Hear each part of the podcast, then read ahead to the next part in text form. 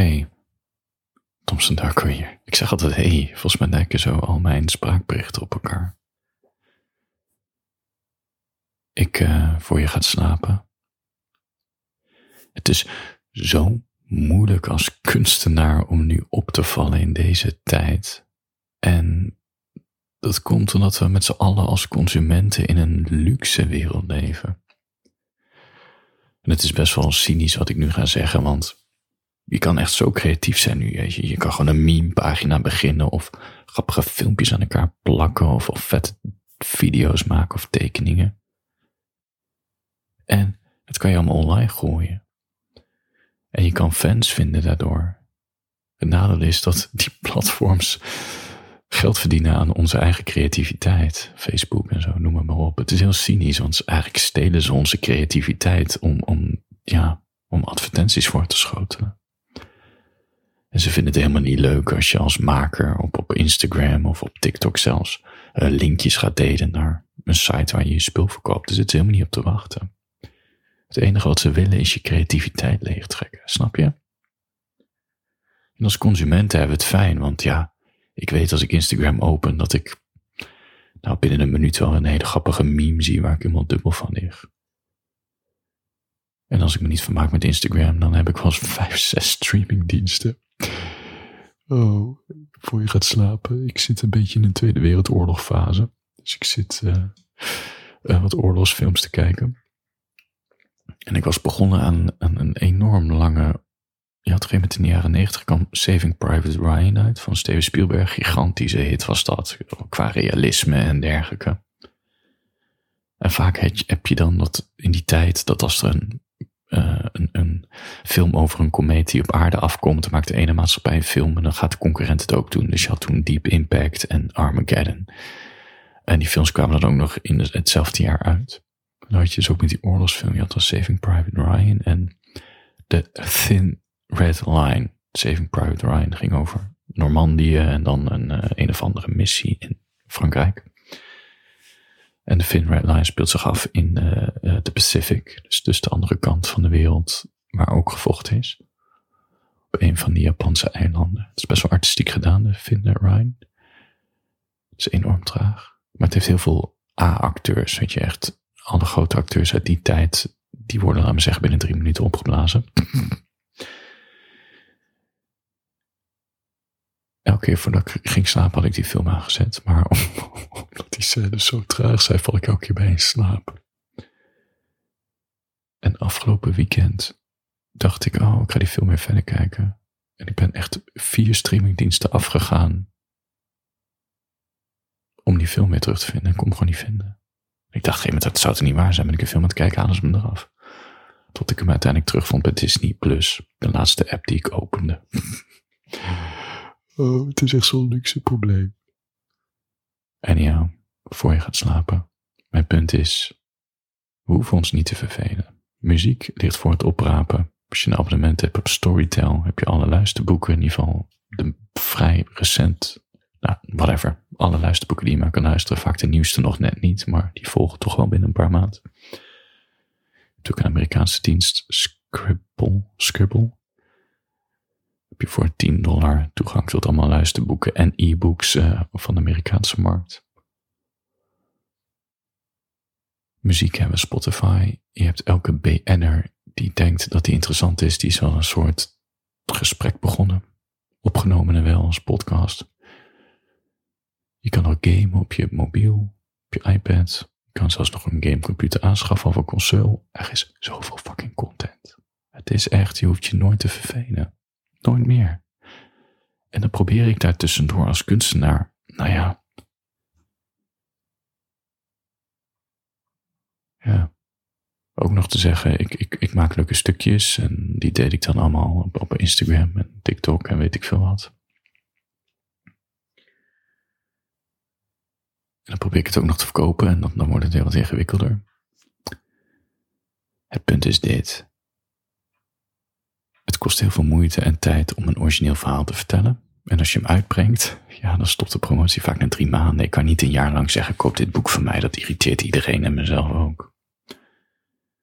Hoe val je op tussen al die ja, creatieve uitingen van al die diensten en makers die allemaal op de een of andere manier ook nog een beetje geld proberen te verdienen met kunst.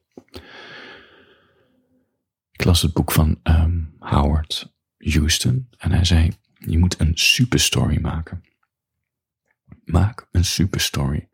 Waarom zou je het bij één verhaal laten, juist in deze tijd? Mensen vinden het vet om reeksen te zien, om een personage te leren kennen en dan te weten na het einde van een verhaal hoe het verder gaat. En waarom zou je een boek schrijven en dan deel 2 en dan deel 3? Begin gewoon met een boek en deel 2 wordt gewoon een luisterboek en deel 3 een strip. Weet je, gebruik het hele multimedia spectrum om een verhaal te vertellen. En ik dacht, wow, dit is zo vet. En hij zei ook nog echt specifiek van, je hoef je geen Marvel of een Disney of een Netflix voor te zijn. Gewoon wees, wees creatief, weet je. Begin een, met een van je personages een, een Twitter-account en, en ga daar verder. Je hebt geen budget nodig. Toen dacht ik, ja, dit is wat ik wil. Ik wil gewoon een super story maken en gewoon verschillende verhaallijnen in verschillende media doen. En ik dacht, ik maak er een erotische fictie van. Het klinkt een beetje gek, want ik vind het genre erotische fictie niet heel leuk. Ik, ik heb het wel eens geluisterd, ik heb het ook wel eens gelezen. En ik snap, ik snap het, ik snap het doel. Ik snap ook dat het niet per se om de daad gaat, maar om het gevoel eromheen. Het is natuurlijk een opbouw. Het gaat erom dat je een beetje weg kan fantaseren, dat het juist mooier is dan het echte leven. Maar ik had er niet zoveel trek in om dat te schrijven. En tegelijkertijd dacht ik, weet je, probeer het gewoon. Probeer het. Ik heb het proberen te schrijven. En wat eruit komt is niet egotische fictie, maar gewoon hele duistere dingetjes afgewisseld met, nou ja, een hitsige scène. Toen dacht ik, oké, dit is wat ik gewoon ga doen. Ik schrijf geen erotische fictie. Ik, schrijf, ik probeer gewoon een verhaal te vertellen en af en toe als vorm van de kunst, als uiting van die personages, van de seksualiteit of een worstelingen met het leven of waar ze ook mee zitten, ook seks. Het lees je ook terug een vrouw die Charlie haat of mijn boek Ze volgt me niet terug. Daarna was ik een beetje klaar mee met al die seksscènes, dat ik het een beetje weggemoffeld. Maar ja, we zijn nu alweer jaren verder. Misschien moet ik weer even die knop van erotische scènes iets, iets groter, iets, iets hoger zetten. Mijn punt is dit, voor je in slaap valt. Ik heb een luisterboek gemaakt.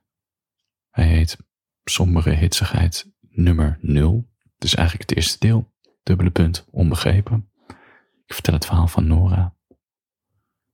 Die, uh, ja, ze wordt elke keer verlaten binnen drie maanden door mannen. En dan gaat ze twijfelen van, ligt het aan mij? Kan ik niet mezelf zijn? Want ze is best wel intens. Persoonlijkheid. Dus ik denk, als ik me goed genoeg aanpas, misschien blijft iemand al langer bij me. En dan valt ze op een charmante, egocentrische man, die haar natuurlijk van alles belooft, maar uiteindelijk draait het om zijn behoeftes en zij blijft maar geven, geven, geven. Daar gaat het verhaal over. Nora woont in een huis met vier andere huisgenoten.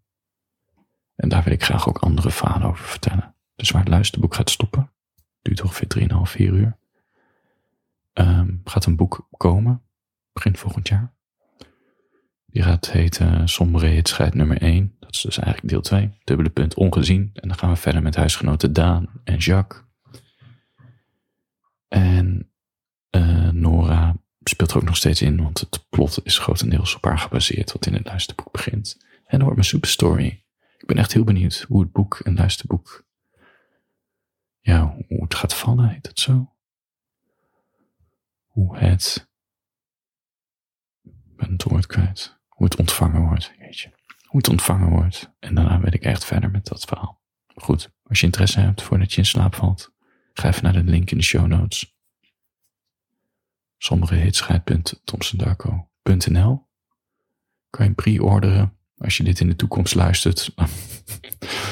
Laten we zeggen, ik spreek dit in oktober uh, in. Volgens mij hoor je dit in november. Als je dit dus ergens volgend jaar eh, in 2023 hoort of 2024, luisterboek bestaat nog steeds, link werkt ook nog steeds. Koop hem, kan je meteen luisteren naar 3,5, 4 uur. Een somber, hitsig verhaal. Lekker de oogjes dicht. bij mijn stem. Lach een beetje, er zit wat zwarte humor in. Er zitten levenslessen in verborgen. Er zitten geile dingen in. Er zit donkere shit in. Want daar hou je van. Dat. Ik vind het nog steeds zo gek om mezelf te promoten. Maar goed, een kunstenaar die zichzelf niet promoot is geen kunstenaar. Dat is echt een feit. Voor je gaat slapen, ik heb een heel leuk verhaaltje voor je uitgekozen. Het is ook een licht erotisch verhaaltje. Um, maar het heeft niks met het boek te maken. Dit, dit heb ik ooit uh, een jaartje geleden geschreven.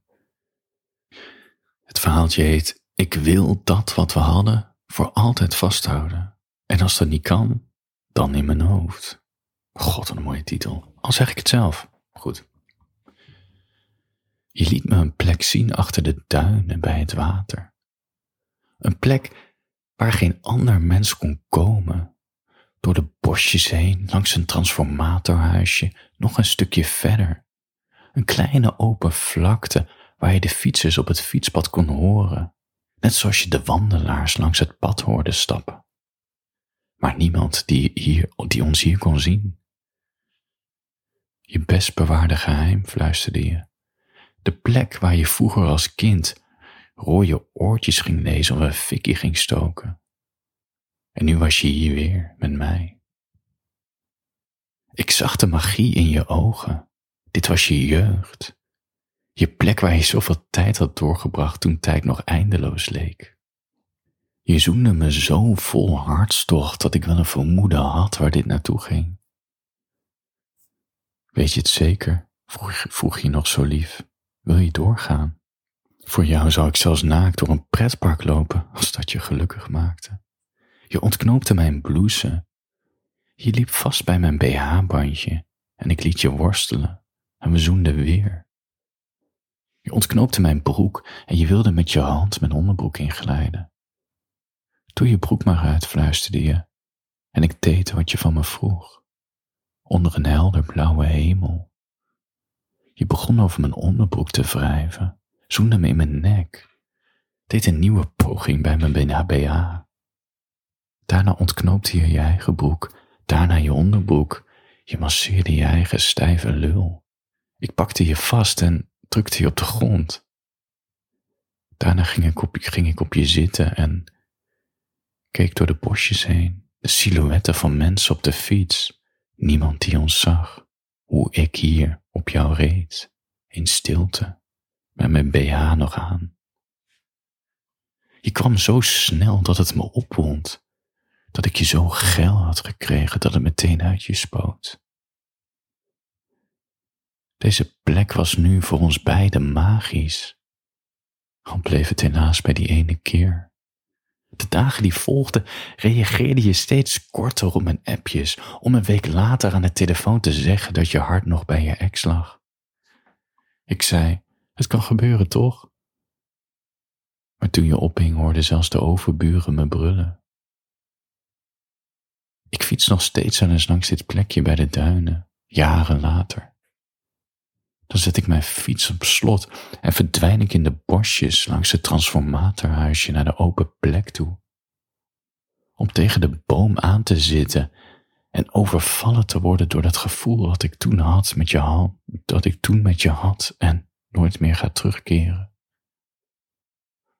Om te bedenken dat je misschien hier met andere vrouwen bent geweest die na mij kwamen.